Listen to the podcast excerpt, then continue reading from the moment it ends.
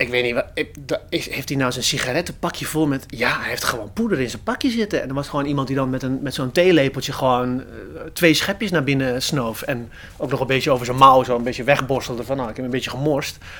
En ik moest er heel erg om lachen. Het was super grappig. Ik dacht ook van, wat geweldig dat we, dat, dat we zo tolerant zijn naar elkaar dat het kan. En dan, en dan na twee, drie dagen dat ik, ik dacht van... Maar het was wel ook een beetje gek eigenlijk, man. Dit is de Braveheart Club.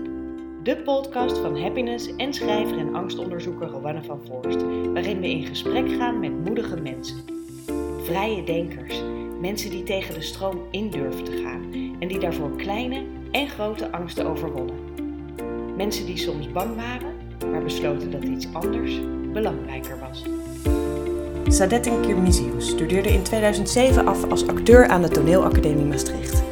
Hij was te zien in voorstellingen van onder andere het Nationale Toneel, het Zuidelijk Toneel, Noord-Nederlands Toneel en het Onafhankelijke Toneel. Zijn eigen producties worden geroemd en terecht, want wat zijn ze goed en belangrijk.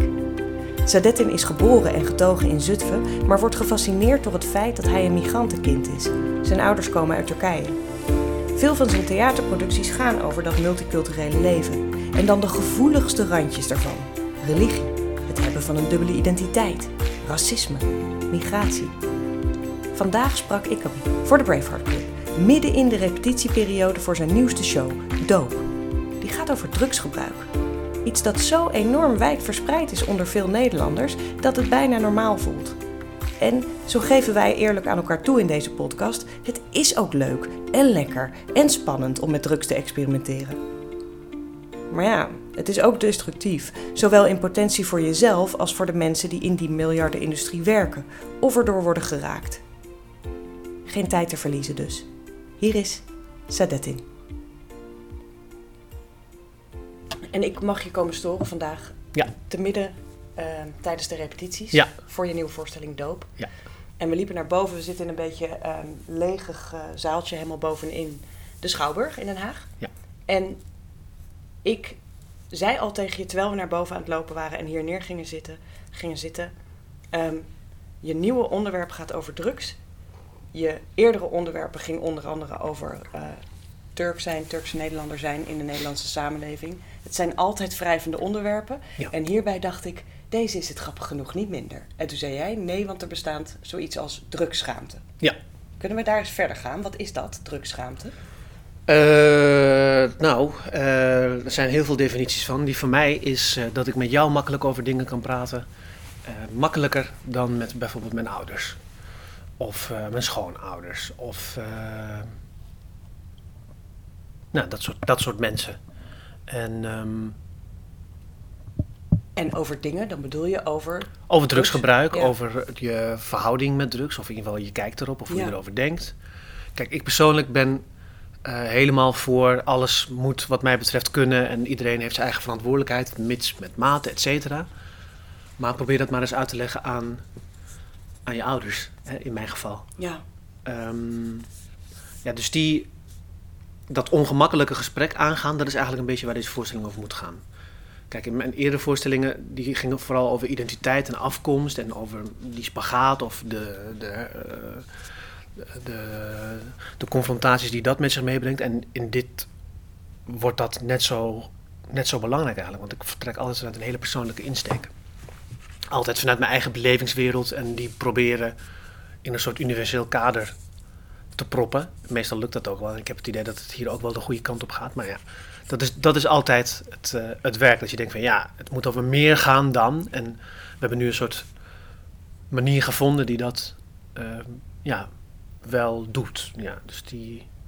Ja, want ik denk, wa- wat ik knap vond, ik, ik volg jouw eh, theatervoorstellingen al jaren, dus ik probeer daar heel braaf leuk. naartoe te gaan. Ik krijg zo'n nieuwsbrief. Oh ja, Eh oh, wat grappig. In Trouble Man heeft een Oh, nieuwe... wat leuk, ja. leuk. Maar bij Citizen K had ik, wat volgens mij iedereen had, die in de zaal zit, en dat denk ik dat dat ook je bedoeling is, ongemak. Weet Ja. je wel, dat je af en toe denkt, huh, ja, dit is inderdaad niet grappig. Ja. En inderdaad is het misschien wel zo dat als iemand deze grap had gemaakt, dat ik voor de beleefdheid een beetje mee had gelachen. Ja, ja, ja, Waarom doe ik dat eigenlijk? Ja, precies. Want het is beledigend. ja. Bij doop Ja. Ik las je introtekstje Ja. en ik voelde me een beetje betrapt. Ja, nee, maar dat, dat is het al. Ja, kijk, eh, voordat je je, eh, je, je, je Zoom-microfoon aanzette, eh, hadden we het, begon ik even, ehm, dat ik een jaar, anderhalf geleden, toen ik deze voorstelling, of in ieder geval, ik had al bedacht, ik wil iets met dat onderwerp doen, maar wat is dan precies de invalshoek? Dat ik uiteindelijk dacht van, ja, maar het moet over ons drugsgebruik gaan. Het moet niet gaan over ehm, hoeveel ton cocaïne per jaar de Rotterdamse haven binnenkomt. Dat zal waarschijnlijk wel voorbij komen. Maar uiteindelijk, waar het mij meer om te doen is, is eigenlijk die, ja, die hypocriete houding, wil ik zeggen. Maar eigenlijk dat we gedwongen worden tot een bepaalde hypo- hypocriete houding. Dat we superbewuste mensen zijn die. Kijk, deze koffie die wij nu aan het drinken zijn, vind ik eigenlijk geen lekkere koffie. Ik heb mijn, mijn bonen, die haal ik altijd bij dezelfde koffieboer. En ik maal ze zelf, dus dat ik echt weet waar ze vandaan komen en dat de kwaliteit goed is. Eh Fairtrade is belangrijk. Eh, geen kleren kopen die met eh, kinderarbeid, et cetera, et cetera. Maar we hebben natuurlijk een eh, enorme lading boter op ons hoofd wanneer het gaat over eh, drugs en verdovende middelen. Alleen al het gedoogbeleid in Nederland, als het over coffeeshops gaat bijvoorbeeld, is eigenlijk objectief gezien is dat niet oké. omdat we worden gedwongen tot, nou, toch een soort halve criminele handelingen. Ja, want misschien moeten we dat heel even kort uitleggen, want het is best wel een complex onderwerp. Ik heb er zelf wel eens over nagedacht om er een boek over te schrijven Ja. en ik dacht echt, holy, dan moet ik helemaal die de drugswereld, de cocaïnewereld in. Maar het is inderdaad zo dat Ja, de drugs... kijk, ja. de Nederlandse overheid heeft eigenlijk besloten om het, eh, het gebruik van softdrugs en harddrugs te tolereren. Om dat oogluikend toe te staan. Niet actief achter gebruikers aan te gaan. Kleine straatdealers worden in principe ook niet gepakt. Zo nu en dan wordt er een kopstuk eh, ge- ge- eh, gevangen gezet. Maar ik denk dat de Nederlandse overheid heel goed weet dat de war on drugs niet te winnen valt. En dat het eigenlijk in een soort goede banen wordt geleid. Dat het niet een heel groot maatschappelijk probleem wordt. Dat is het wel. Eh, we zien niet meer de heroïnehoertjes en de junkies rondlopen op straat. Ik vroeg me laatst ook af, waar zijn de junkies eigenlijk? Die zie je bijna niet meer. En toen dacht ik, misschien zijn wij het. Misschien zijn, misschien zijn de junkies veranderd in eh, bakfietsmoeders en eh, sportschoolgangers... die super gezond en heel, heel actief met hun lichaam en hun gezondheid eh, bezig zijn... en tegelijkertijd een deel van de week besteden aan ja, eh, lekker kapot gaan. Maar het is meer dan dat. Het is niet alleen maar ik wil... Kook, MDMA'tje op een Ja, ja, precies. Maar ook eh, op een bijna therapeutische, medit- meditatieve manier kunnen gebruiken. Ja, en die twee werelden, eh, hoe verenigbaar zijn die? En als je dat gesprek met iemand aangaat, dan kom je al gauw uit bij ja, maar die, die wereld staat zo ver van mij af, die schimmige, criminele wereld. Ik heb daar in principe niks mee te maken. Ik ben huisarts of ik ben, eh, nou, vul maar een respectabel beroep in. Maar dat gesprek, die, die wrijving, ja, die vind ik heel interessant. Maar dan gebruik jij gebruikt, als ik het een beetje begrijp wat je probeert te doen, of in ieder geval mijn interpretatie is wel dat je jezelf altijd heel kwetsbaar als een soort tool opstelt Ja. om te laten zien wat het met jou doet, maar dan gaat het veel groter dan jou. Zeker, zeker, want ik ben gewoon vader van twee kinderen. Kijk, ik ben verslaafd aan roken. Mijn, Ja. mijn, mijn, eh, mijn, mijn grote. Want het, het, het is ook een, een, voorstelling die over verslaving gaat. We zijn verslaafd aan dopamine aanmaken. We zijn verslaafd aan genieten en ons lekker en goed voelen. En, Alcohol voor veel mensen. ja, precies. Dus het is niet alleen maar eh, dat we met z'n allen aan de druk zijn. We zijn gevoelig voor verslaving. Eh, ik persoonlijk ben enorm verslavingsgevoelig. Ik eh, heb nooit gegokt, maar ik weet als ik daar eenmaal aan ga beginnen, ja, dan, dan, dan, dan zouden we echt wel een probleem kunnen hebben, bij wijze van spreken. Dus ik blijf altijd uit de buurt van casino's, fruitautomaten. Ik heb genoeg mensen om me heen gehad die, ja, die daaraan ten onder gingen, letterlijk gewoon eh, in, in enorme problemen kwamen. Dus dat is voor mij altijd geweest van nee, nee, nee, nee, nee, nee. Nou, alcohol, Je was er bijna bang van, zeg maar, dat, om daarin te gaan. Zeker, zeker, zeker. Ik zat in eh, Maastricht op de toneelacademie. En eh, daar ging het dan, daar is dan, was dan onze stamkroeg, was dan de kroeg naast eh, die school, dat was onze woonkamer. Stond gelukkig geen fruitautomaat. Scheelde al enorm. Ik had eergisteren een gesprek met iemand waar het ook ging over nou, drankgebruik of whatever. En dat ik bijvoorbeeld ook tegen, op, in de eerste week dat ik daar kwam tegen de, tegen de barman zei van... ik mag hier nooit een rekening open, openen. Nooit. Wat ik ook zeg. Ik wil niet dat er een bonnetje komt met mijn naam erop. Ik ga altijd meteen afrekenen. Omdat ik, ja, ik ik, ik ken mezelf in die zin, ik ben vaak eh, grenzeloos dan, snap je? Dat ik een dan zelfinzicht dan al, dat je dat voelt aankomen. Of had je dan al duizend, duizend Duizenden euro's. Ja. nee, eh, nee, dat niet. Maar ik had wel, ja, ik, eh, gewoon uit mijn verleden, gewoon mensen om me heen die dan ja, ja, aan, allerlei, aan allerlei dingen verslaafd zijn geraakt. Ik ben opgegroeid in de jaren negentig.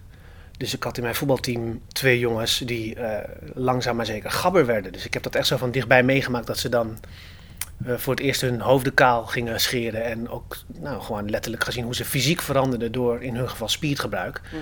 Ja, dat, eh, dat, dat, soort, dat soort voorbeelden eh, heb ik in mijn omgeving eh, genoeg om te kunnen zeggen, nou daar moet ik voor oppassen, daar wil ik uit de buurt van blijven. Maar tegelijkertijd ben ik ongelooflijk verslaafd aan roken.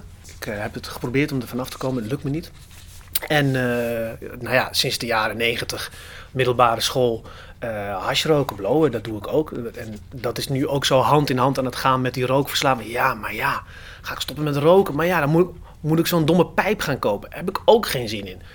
Dus, eh, dus in die zin is het ook zeker blootgeven. Maar tegelijkertijd, ik ben vader van twee kinderen. Ik heb gewoon een vaste baan. Ik ben theatermaker al jarenlang. Ik ben artistiek leider van een kleine stichting. Dus ik heb ook gewoon grote mensenverantwoordelijkheden die heel goed gaan. Dus het is niet alleen maar, het wordt niet een voorstelling van ik heb een gigantisch probleem of we hebben een gigantisch probleem en we gaan hier aan kapot. Nee, hoe gaan die dingen hand in hand en hoe eh, kijken wij daar als samenleving tegenaan?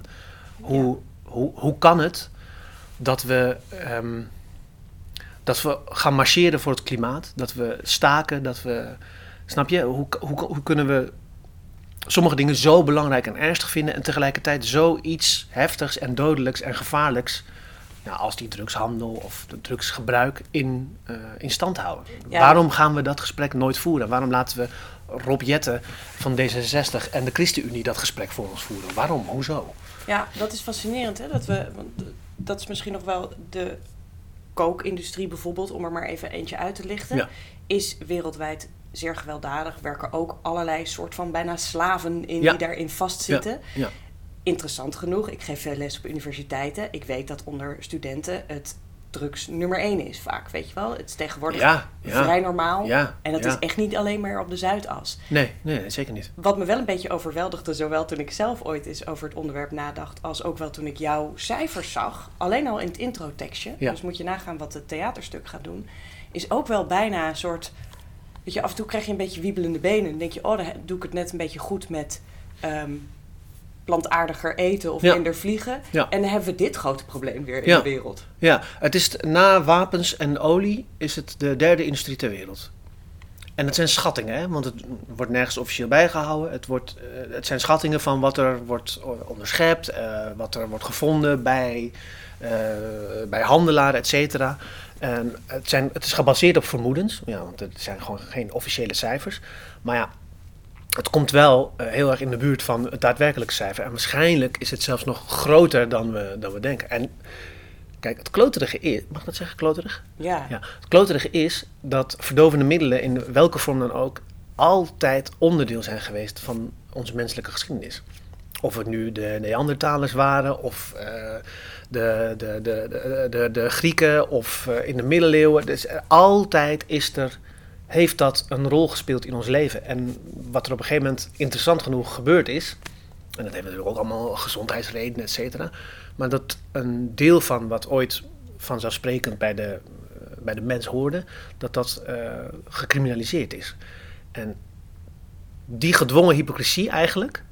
Dus dat je tegelijkertijd kunt denken, ja, maar ja, het wordt ook gebruikt in eh, therapieën waarin mensen eh, behandeld worden voor posttraumatische stress. Het gaat Of dan voornamelijk over LSD bijvoorbeeld. Ja. eh, MDMA wordt gebruikt bij relatietherapieën. Eh, nou, sowieso als je naar de tandarts gaat, en je, hè, Word je verdoofd, Je wordt ja. je verdoofd met, een, zoals mijn tandarts zei, het is een neefje van cocaïne. Ehm, de- dus tegelijkertijd heb je die hele kant van, ja, maar er zijn wel baten. Er zijn ook mensen die zeggen, sinds ik dat heb geprobeerd, voel ik me of ben ik ongelooflijk ontspannen of denk ik anders over de.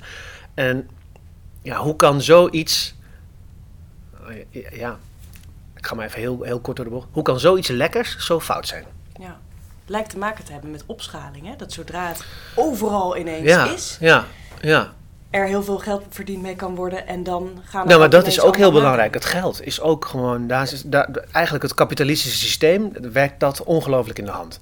Er valt geld te verdienen. Ja, kijk, als nagelschaartjes illegaal zouden zijn, dan zouden er eh, duizenden nagelschaartjes per jaar eh, de havens van Rotterdam binnenkomen en zouden we dat probleem hebben. Overal Ik nagelschaartjes. nu een kort fictieverhaal. Nou maar ja, goed, er valt gewoon geld aan te verdienen Ja. en dat is het. Ehm, dat, ik bedoel, helemaal gelijk, eh, ja. in de Verenigde Staten, oh, nou, 100 jaar en drie weken geleden, eh, op de kop af, begon eh, de drooglegging. Nou, dat heeft eh, een jaar of 12, 13 geduurd. Ja, hoeveel geld was daar ineens te verdienen? Je ziet het gewoon de hele tijd van, ja, de vraag is groot, er valt veel geld aan te verdienen. Nou, dan zie je gewoon dat daar van alles gebeurt. En daar zitten wij, vooral als Nederland, omdat we ook op zo'n hele strategische plek, plaats liggen, ja, zijn wij gewoon integraal onderdeel van.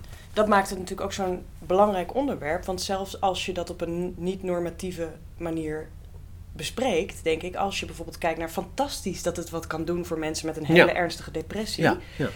dan nog wil je misschien voorkomen dat het publiekelijk overal verkrijgbaar is voor iedereen. Of zo. Ja, of wil je nou daar in ieder geval over nadenken? Als je kijkt naar hoeveel suiker we gebruiken, snap je? Eh, en dat niet McDo- doorhebben. Ja, McDo- McDonald's heeft een, eh, heeft, een, eh, heeft een tehuis voor kinderen, waar zieke kinderen worden behandeld. eh, te, te gek. En, en, en eh, die Ronald McDonald hu- huizen en zo. En tegelijkertijd schotelen ze ons walgelijke hamburgers voor en maken ze ons dik en, en, en ongezond. Ja. Ja, ja. ja, wat is dat? ja.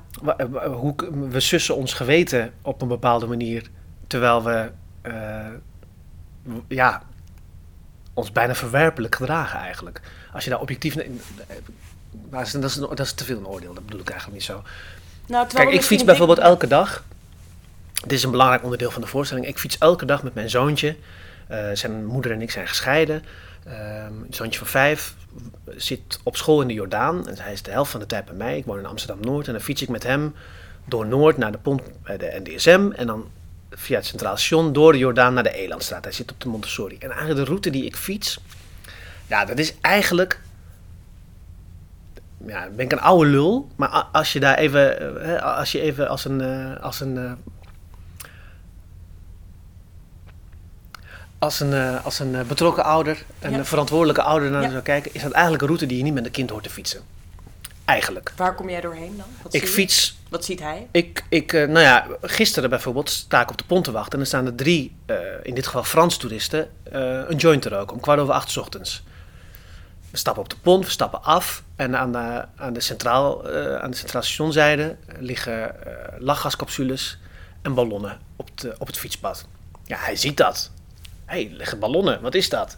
Nou, we fietsen gewoon door. Ja, en vervolgens fiets ik over de grachten. Nou, de ene koffieshop naar de andere. Ik fiets nog langs een, een, eh, een stukje rosse buurt op het Singel. Prima, ik vind het allemaal, snap je, het heeft ook iets of zo. Dit is Amsterdam. En dan kom ik eh, aan bij, eh, bij zijn basisschool. En daar staan dan op de hoek, staan bij het ROC dat daar om de hoek zit, staan ook weer twee jongens te blowen. Which is fine by me. Ja, snap je? Ik fiets daar en ik denk, oh, lijkt eigenlijk wel lekker. Maar het is wel heel vroeg, hè jongens. Eh, kwart voor negen 's ochtends. Maar dat is wel de route die ik dagelijks met hem fiets. En eigenlijk, eigenlijk is dat een beetje gek. Ja. En dat is wat mij betreft een soort metafoor. Die fietstocht is eigenlijk een soort metafoor voor ja, wat we zijn, wat voor land we zijn. En ik weet het, het is Amsterdam en eh, alleen maar toeristen en het is een pretpark en een museum. En het is eigenlijk geen echte Nederlandse stad meer, dat centrum vooral niet. Maar het dwingt mij wel tot een paar gedachten die ik vroeger nooit had. Vroeger zou ik gewoon denken, oh wat heerlijk dat dit hier allemaal kan, wat geweldig. Maar nu, omdat ik een generatie ben opgeschoven, daar heeft de voorstelling natuurlijk ook mee te maken, dat is er ook aan de hand. Hè? Dat ik dus, ja, er is een grote verandering geweest in mijn hoofd, in mijn leven. Namelijk dat ik dus op een bepaalde manier over iets na ben gaan denken wat ik vroeger helemaal niet had. Ja. En dat ik me ook ga afvragen van ja, maar hoe moet dat dan straks? Of hoe zal dat straks zijn? Als ik aan mezelf denk als ja, middelbare scholier en ik denk dan dat mijn zoon en straks mijn dochtertje, mijn dochtertje is nu nog vier maanden, dat ik denk van oh mijn god, oh mijn god, die gaan dat allemaal ook. En wat ik nu merk in de gesprekken die we hebben, maar ook in het team waarmee we deze voorstelling maken, dat er dan bijvoorbeeld iemand uit, eh, uit het ontwerpersteam zegt van ja, maar wacht maar, eh, straks als je zo'n 14 is, dan zou je zomaar gebeld kunnen worden door een leraar. En die zegt, je moet je zoontje komen halen, want hij zit stoned in de les. Nou, die, ja, die, die kronkel, die, eh, die is heel interessant wat mij betreft. Omdat het ons dwingt om ergens over na te denken, om ergens over te spreken. Om, om, om misschien weer eventjes vers te herkennen dat iets genormaliseerd is. Ja. En dat dat ergens een keuze is. Niet per se van de individu, maar Nou ja, van... ja, ja. En kijk, eh, ik zeg ook niet, eh, wat ik absoluut niet zeg, is eh, illegaal maken en verbieden. Helemaal niet. Want het heeft helemaal geen zin ook. En dat zou ik ook helemaal niet willen. Maar wat ik ook niet zeg, denk ik, is maak het helemaal legaal. Ik, ik ben bang dat ik dat niet, eh, omdat ik dan denk aan de, aan de multinationals zoals Coca-Cola en aan eh, Unilever, die daar in dat gat gaan springen en denken: hey, want het is een hele tijd, illegaal, het is hele tijd legaal geweest. Amsterdam heeft gewoon eh, twee vestigingen gehad van de Nederlandse cocaïnefabriek. In het begin van de vorige eeuw. Daar werd gewoon legaal cocaïne geproduceerd. En uiteindelijk zeiden, zeiden, zeiden landen als Nederland en eh, Frankrijk, Engeland, de Verenigde Staten van ja, maar we merken toch wel dat heel veel mensen aan de hoestsiroop zitten. Moeten we daar niet, eh, moeten we daar niet naar gaan kijken? Want er zijn gewoon vooral mensen die verslaafd raken aan de hoestsiroop, omdat daar cocaïne in zat, bijvoorbeeld. Ja, ik ben bang dat als we dat, als we zeggen we gaan het legaliseren, ben ik bang dat we, dat we weer andere problemen gaan krijgen. Hè, dat het dan zo makkelijk verkrijgbaar is. Maar ja, wat is dan wel de oplossing? Dat weet ik niet. Ik weet niet wat de oplossing is. Ik ook niet. Wat ik, Ik denk niemand. Nee, ik weet ook niet. Ik, ik heb jouw voorstellingen ook nooit gezien als per se dat je een oplossing wilde aanvragen. nee, dat gaat ook nu niet gebeuren. Nee, Eh, omdat het zulke complexe onderwerpen Nee, zijn. precies. precies. Mag ik terug naar iets heel kleins wat je in het begin zei? Namelijk, ehm, sommige dingen zijn voor mij makkelijker om met jou te bespreken dan bijvoorbeeld met mijn ouders. Ja, Dat leek me ook het geval voor als je bijvoorbeeld grappen maakt over eh, je zus die gaat trouwen en teruggaat naar Turkije. Of over ja. ehm, je vader, niet zozeer grappen, maar wel de grappen waar hij mee te maken krijgt op Ja. zijn werk. Dat zijn allemaal oudere voorstellingen. Ja. Het leek me af en toe zo pijnlijk bijna om dat te benoemen. Hoe durf jij dat zo dichtbij halen? Ja, en ja, dat is, ja, dat was in het begin misschien wel zo dat ik er zelf wel moeite mee had. Maar op een gegeven moment heb ik ook gewoon bedacht van ja, het is ook gewoon een theatervoorstelling. Maar in de zekere zin ook een, een ode aan. Ja, het is heel Een- liefdevol, een, maar het is eh, wel rauw, weet je wel? Het is wel Ja, echt- nou, ik heb in het geval van mijn vader, hij was blij. Hij zei had zelfs weer, ik ben blij dat mensen die naar deze voorstelling komen, eh, dit te horen krijgen. Dit zien. Dat mensen denken, oh maar wacht even, eh, dit gebeurt wel. Dus mijn vader die dan, eh, in, in het geval van mijn vader, die dan op zijn werk te maken kreeg met discriminatie van zijn collega's. Waar hij al 10, 15 jaar mee samenwerkte. Die dan wel achter zijn rug om grapjes over hem maakte. ja, ik vond het... Ik, hij mij- was eigenlijk heel blij dat dat eh, nu zo op tafel werd. Daar was hij wel blij mee. Volgens mij las ik dat in een artikel over jou, of een interview met jou, dat je daarover zei dat hij je daar ook op had aangesproken. Hè? Van leuk dat jij eh, allemaal lieve linkse vrienden, een beetje daar Ja, maar je hebt geen idee waar je het over Maar je hebt. hebt geen idee, want ik Ja. zie gewoon collega's vervelende mails wegklikken als ik Ja, eraan kom. precies, en dat is ja. ook Nederland en daarin leven. En dan werkt jouw vader al 40 jaar in Nederland. Ja. Ja, Ja. Maar dus je hebt niet meer het gevoel dat is eng.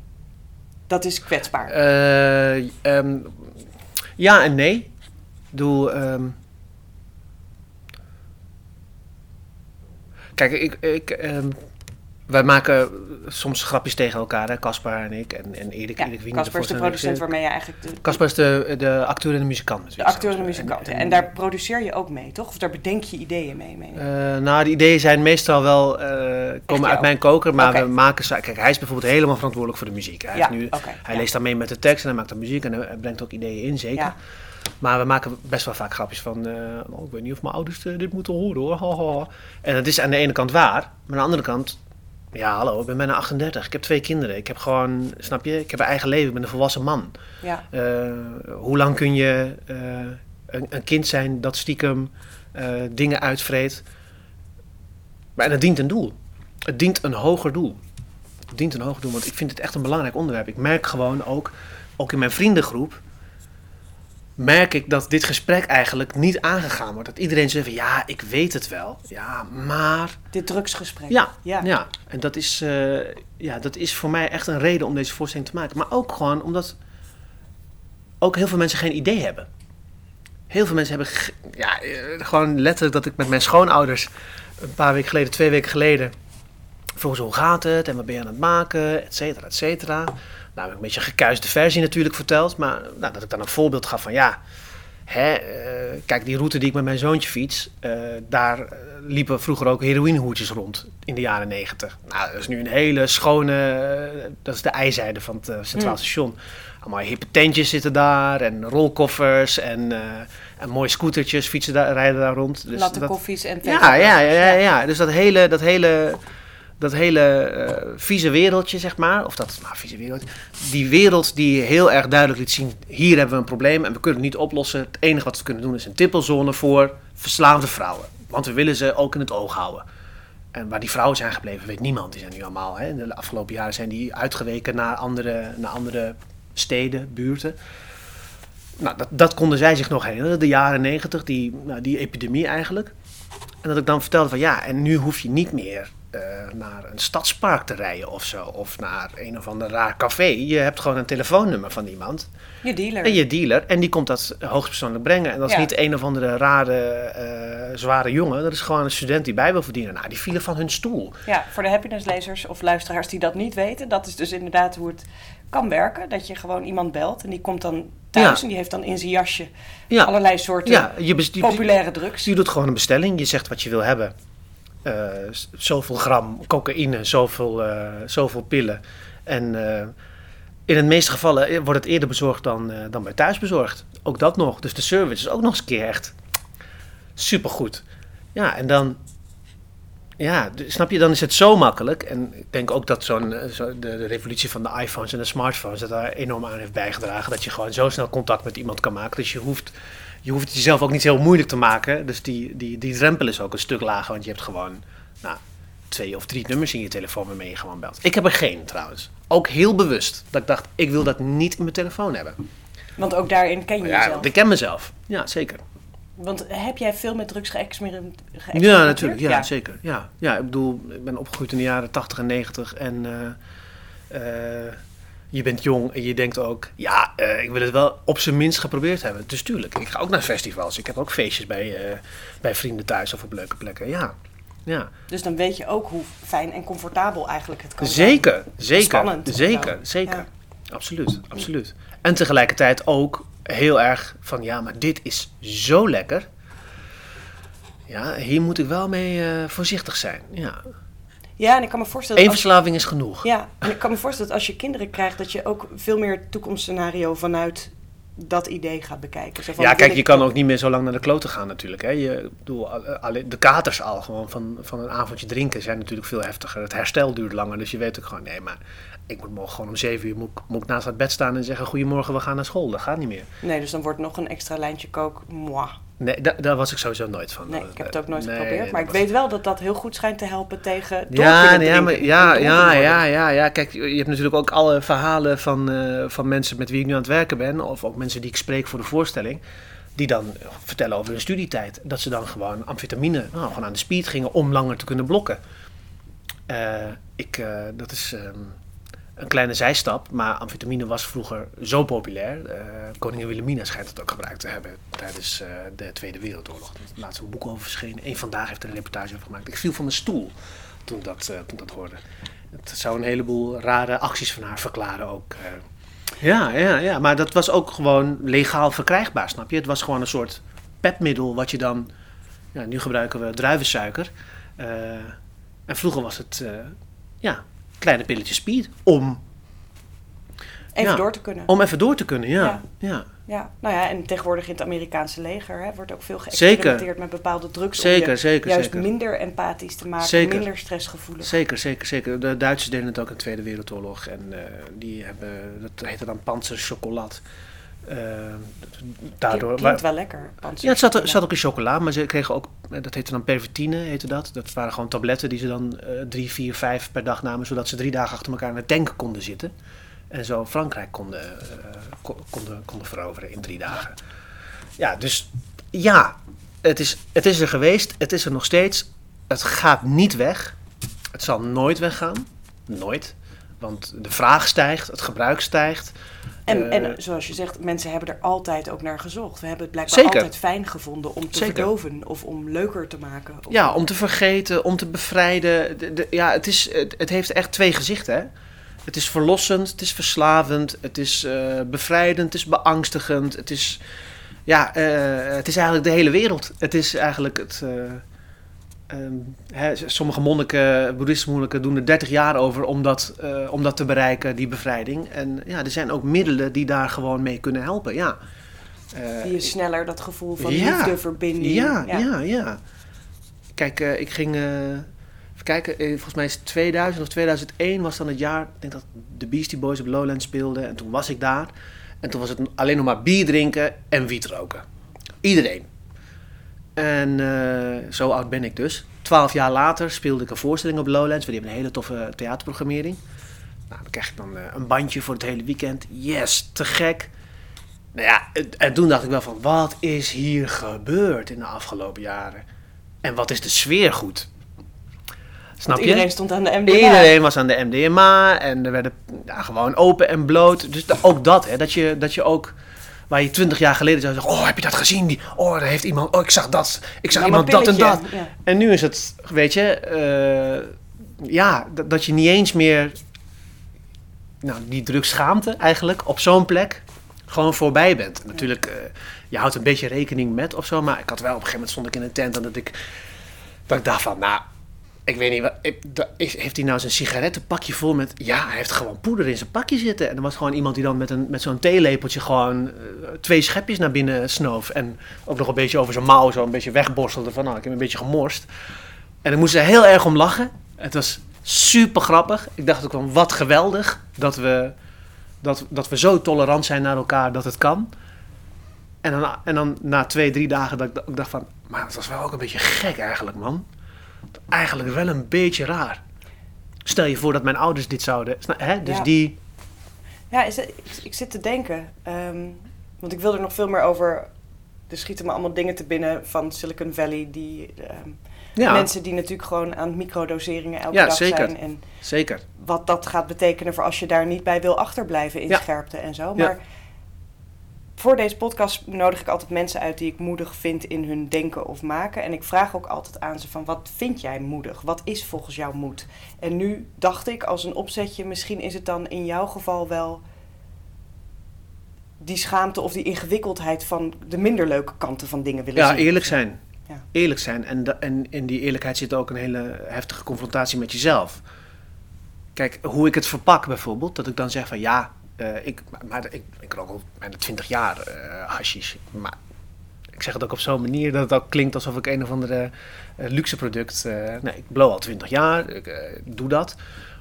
En bij mij gaat dat dan, en dat zeg ik er dan achteraan, bij mij gaat dat hand in hand met een rookverslaving. Dus op het moment dat ik ben ooit een half jaar gestopt met roken, ja, dat ik wel dacht van ja, maar ja, nu een blootje is wel lekker. Ik ben lekker aan het schrijven geweest, even ontspannen. Ja, maar dan moet ik weer gaan roken. Ja, want eh, ja, die tabaksupplement. Snap je? Dus ik heb allemaal smoesjes om. Maar dat hardop zeggen, ja, dat is wel een stap geweest. Dat is echt wel een stap geweest. Dat, dat ik ook durfde te zeggen, ja, ik blow en ik rook. En eigenlijk is dat samen, ja, dat heet dan een verslaving, geloof ik. Ja. Dat- Ik zo- ben, dat, ik ben verslaafd, zeg maar. ja, ja, hoe heftig is dat? Snap je? Hoe, dat klinkt meteen alsof je, oh mijn god, en dat komt niet goed, en die heeft een gigantisch probleem, en die is onverantwoordelijk. Ja, ik ben dat niet. Ik, eh, ik, eh, ik, ik schrijf stukken. Ik heb de afgelopen jaren superveel stukken geschreven. Nou, ik, eh, ik garandeer je dat ik ook delen van die monologen die, die jij hebt gezien en die mensen die mij misschien kennen en dit horen, dat ik die ook gewoon heb geschreven met een jointje erbij. En dat ik gewoon op dat moment dacht van, yes, en nu ga ik ergens doorheen en kom ik tot. En ik kan het dan ook weer voor mezelf lekker eh, verantwoorden door te zeggen, ja, maar ik ben ook een kunstenaar. Ja, Ja, het hoort er ook een beetje bij, ja, toch? ja. Ja, nou, die, Vroeger de getroubleerde schrijver. ja, ja, ja, ja, en precies, precies, precies. Ehm, dus die, ja, Simon Vinkoog, weet je, ja, hij maakte daar gewoon een heel, hij, dat was hij, hij was dat gewoon. Hij was gewoon de blowende dichter. Te gek. En eh, wat mij betreft is al zijn werk fantastisch. Ik vind dat echt ongelooflijk, gewoon he- hele mooie gedichten. En dan denk ik van ja, hè, hm, ja, zo en zo. Maar eigenlijk, eigenlijk dat durven zeggen, dat hardop durven zeggen, ja, ik ben wel Kijk, ik zit nu alweer te denken, ik moet eigenlijk een sigaret roken. Ja. Jij was een beetje te laat ik dacht, en ik dacht, yes, ik kan roken. Ja. Jij belde mij toen je voor de deur stond. Ja. Ik stond buiten te roken. Ja. Ik dacht van, ik moet deze wel gerookt hebben voordat ik met haar ga praten. Want anders ben ik alleen maar bezig met, ik heb nog niet gerookt. Ik heb nog niet ja, gerookt.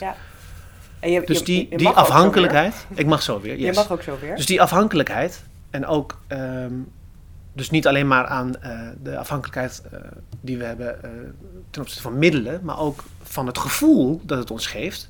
Ah, is heel belangrijk in die voorstelling, ja zeker. Ja. Want daar komt, daar komt, dat is ook wel echt een groot onderdeel van die problematiek wat mij betreft. Ja. Ik, ik heb nog twee vragen. Ja. Ehm, en daarna laat ik je free. Yes, mag ik roken? Nee. nou, mag je roken, mag je repeteren. Ehm, wat is voor jou, wat heb je geleerd specifiek door, deze door, door het maken, door het nu schrijven wat je aan het doen bent? Wat was iets waar, waarvan je dacht, oké, dit had ik gewoon nog niet eerder zo gezien. En Nou, dat ik onderdeel ben van de problematiek. Hm. Zeker. Kijk, ik heb gewoon een vaste koffieshop waar ik dan eens in de twee weken heen ga in Amsterdam-Noord. En, eh, en ik word dan herkend door de jongens die daar staan. Vind ik niet zo prettig. Want dan denk ik, ik kom hier te vaak. Snap je? Maar dat ik een onderdeel ben van de problematiek. Kijk, ik ga geen mensen aangeven, hè? in principe. Terwijl je dat... ik, weet, ik weet niet hoe dat bij jou in je vriendengroep zit. Ik ga er eigenlijk vanuit dat jij, eh, hè, dat jij dat ook allemaal, eh, die wereld ook kent. Of dat je mensen kent. Maar je belt niet de politie. Toch? Nee, Ik ook niet. Nee, ik ga niet snitchen. Kom, is nou dat is super lullig toch? Waarom ga je dat doen? Dat heeft hij helemaal gezien. Maar ja, tegelijkertijd weet je eigenlijk van ja, maar als we eerlijk zijn, als we eerlijk zijn, is dat toch wel. eh, het, het levert wel een bijdrage aan ja, dat. Nou, ik maak nu aanhalingstekens, dat kun je niet zien, maar hoor ze maar bij. Dat probleem dat we Ja. met z'n allen in stand houden. Dus dat is een inzicht geweest. En ehm, ja, even iets anders, maar dat er een verschil is tussen eh, eh, geluk en eh, plezier. hoe zit dat? Ja, het heeft te maken met, met dopamine aanmaken. En dat we eigenlijk in, in, in, in, in onze zoektocht naar geluk via plezier dat proberen te bereiken. Maar dat dat niet hand in hand gaat. Nee, Dus dat je geluk niet hè, la- langdurig of eeuwig geluk of nou eeuwig. dat zijn die piekmomenten meer, stel ik me Ja, voor. En dan ga je dus blijven zoeken naar ja, dat extatische of dat gelukkige. Ik, bedoel, ik heb ook de meest geweldige inzichten gehad hè, eh, door middel van eh, hulpmiddelen, laat ik ze zo noemen. Ja, ik weet niet of dat zonder was gelukt. Nee. Dus, eh, Maar dat, is niet gelijk, als ik hem even mag vertalen, aan wat misschien geluk is, meer een soort steady, zeer tevreden gevoel of zo, bijvoorbeeld. Dat is iets anders. bijna. Ja, ja, ja, ja, ik weet het niet. Kijk, ik kan nu bijvoorbeeld. Vlak voordat jij kwam, kreeg ik een berichtje van mijn vrouw met- met onze dochter. En die was net in bad geweest in zo'n mooi handdoekje. Ja, dan ben ik ongelooflijk gelukkig. En dan denk ik, ik ben zo gelukkig eigenlijk. Ik kom eigenlijk niks tekort. Als we heel eerlijk zijn. Eh, er is genoeg om mij super gelukkig te maken. Maar ja, ik ben wel druk. Ben hard aan het werk. Ik ben aan het reizen. Ik eh, moet een aanvraag schrijven. Ik moet een voorstelling maken. Ik moet die gaan spelen straks. Ik moet tekst leren. Eh, ik moet mijn aangifte doen. Gedaan, net op tijd. Eh, ja, snap je? Al die dingen, al die dingen, al die dingen die in de weg zitten van dat geluk eigenlijk. Die je daarvan weghouden van dat geluk, want je hebt ook gewoon praktische zaken. Ja, dan begrijp ik dat je af en toe naar iets grijpt om even te ontsnappen aan. Ja, weet je hoe je het even. Alsof je niet iets zoekt wat je gelukkiger maakt, maar alsof je iets zoekt wat even de onrust weghaalt. Nou ja, dat kan het ook zijn, hè? Dat kan het ook zijn. Ik, eh, kijk, voor mij is bijvoorbeeld blowen is eh, niet om te vergeten. Helemaal niet, want Nee. ik ben gewoon Happy. Ja, ik ben gewoon, weet je, alles is oké. Ik heb wel een hypotheek, snap je? Dat soort dingen moet ik wel aan denken nu. Dat heb ik ook trouwens, snap je? Ik heb gewoon een hypotheek. Ik ben gewoon iemand die een eigen huis heeft. eh, dus- Ja, maar je bloot wel. Ja, Maar precies, ja. Maar eh, voor mij heeft het ook te maken met gedachten ordenen. Even, gewoon even die gedachten die alle kanten opschieten, dat die even tot rust komen. Even, daar heeft het ook mee te maken. Tegelijkertijd eh, ja, gaat het hand in hand met iets super ongezonds, want ik gebruik er tabak bij. Ja, Ja. Dat is gewoon, je krijgt er kanker van, weet je. Ja. Daar is gewoon geen, en dat is gewoon eng ook. Ja, zeker is- ook met kinderen erbij. Zeker, bedoel, dat zeker. zijn gewoon ingewikkelde, daar wil je eigenlijk niet over nadenken. Nee, toe wel. Ja, nee, nee, nee. Maar ja, het is, het, dus het is, eh, het is ehm, het is een soort octopus, hè? het heeft eh, meerdere tentakels, dit hele verhaal. Eh, we, we noemden net al drank wat voorbij kwam. Ja, net zo gevaarlijk eigenlijk, weet je. Hoeveel, hoeveel problemen veroorzaakt dat? Maar je gaat gewoon naar de slijterij en je koopt gewoon een fles drank en je drinkt die leeg en je, je, je, je, doet gek of je doet niet gek. En je Maar zet jezelf op Insta met een roze bel. Bijvoorbeeld, snap je? uit. Ja, ja, niet uit hoe- als drugs. hoe, hoe, hoe, hoe geaccepteerd is het ene? Hoe, Ja. hoe, ja, ook daar gaat het. Dus het is een eh, lekker breed onderwerp, maar de lijn die erin zit is een hele persoonlijke lijn. Dus we vertrekken vanuit eh, mijn belevingswereld. Ja. Maar die grijpt om zich heen naar, Ja. naar alles. En die kan ook gewoon. De, de- ja, eh, we kunnen ook een tijdreis maken, snap je? We gaan ook gewoon. Daarvoor is het ook heel fijn dat het theater is. Dat je gewoon. Terug kan naar een cocaïnefabriek die er vroeger in Nederland bijvoorbeeld. stond. Bijvoorbeeld. Ja. Laatste vraag, en dat is wel een relevante, denk ik, voor deze podcast, omdat het heel erg gaat over eh, dingen best wel een beetje eng vinden, vinden en ze dan toch doen. Ja. En zoiets hoorde ik wel in dat je zei, nou, het is wel een ding om ook echt te gaan staan op zo'n podium en de aandacht op mezelf te richten en mezelf te gebruiken van, Ja. hé hey, joh, ik ben ook verslaafd. Ja.